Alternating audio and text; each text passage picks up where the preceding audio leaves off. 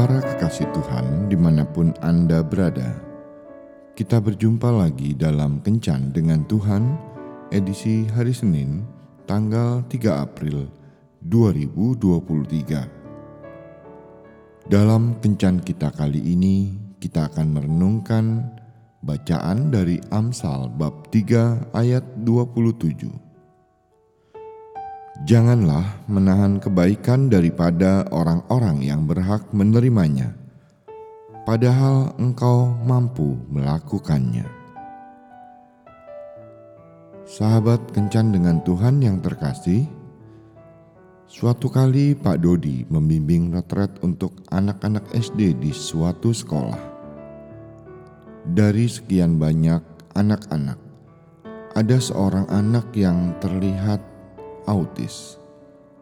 Setiap saat dia bisa melompat-lompat atau berjalan-jalan, walaupun saat pengajaran diberikan. Satu hal yang sungguh mengharukan bagi Pak Dodi adalah ketika anak itu mulai beranjak dari tempat duduknya dan mulai berjalan. Selalu saja ada teman-temannya yang dengan sabar menuntun dia kembali ke tempat duduk.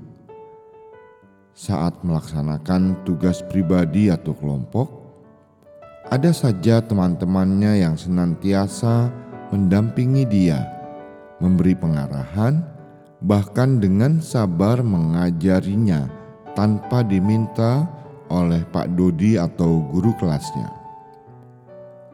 Hal itu membuat suasana retret sungguh mengharukan sekaligus menyenangkan bagi Pak Dodi.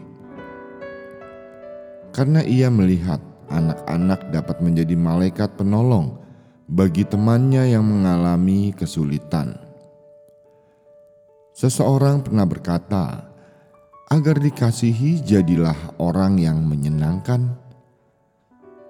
Jika kita mau setiap pagi memotivasi diri untuk menjadi orang yang menyenangkan hati Tuhan dan sesama, Tentu, kita bisa menjadi malaikat penolong di mana pun kita berada. Perangkat yang kita perlukan adalah hati yang peka dan rela menolong sesuai dengan kemampuan yang dimiliki. Jika kita hanya memiliki tangan, perkataan yang membangun, materi, atau telinga untuk mendengar, pakailah itu dengan baik Jadilah malaikat penolong dengan mengasah anggota tubuh, terutama hati nurani, agar peka dan terlatih menolong sesama. Singkirkanlah keegoisan, jadilah pribadi yang ramah dan murah hati. Kembangkan sikap saling melayani, dan jauhkan diri dari tindakan yang saling menggigit, mencela, atau mencelakakan maka hidup kita akan menjadi berkat bagi orang lain. Tuhan Yesus memberkati. Marilah berdoa. Tuhan Yesus, taruhlah dalam hatiku roh kerelaan dan kepedulian seperti yang dimiliki oleh orang Samaria yang murah hati. Berilah aku kuasa penuh untuk menjadi berkat bagi orang lain, baik melalui perkataan, perasaan, pikiran, dan perbuatanku.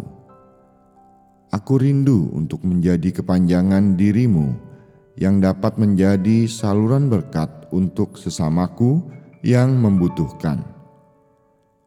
Mampukan aku, Yesus, untuk membuat mereka tersenyum bahagia dengan sedikit perbuatan baikku biarlah senyum mereka menjadi senyummu sendiri, sebab aku percaya engkau senantiasa hadir di dalam diri orang-orang miskin, menderita, dan sakit.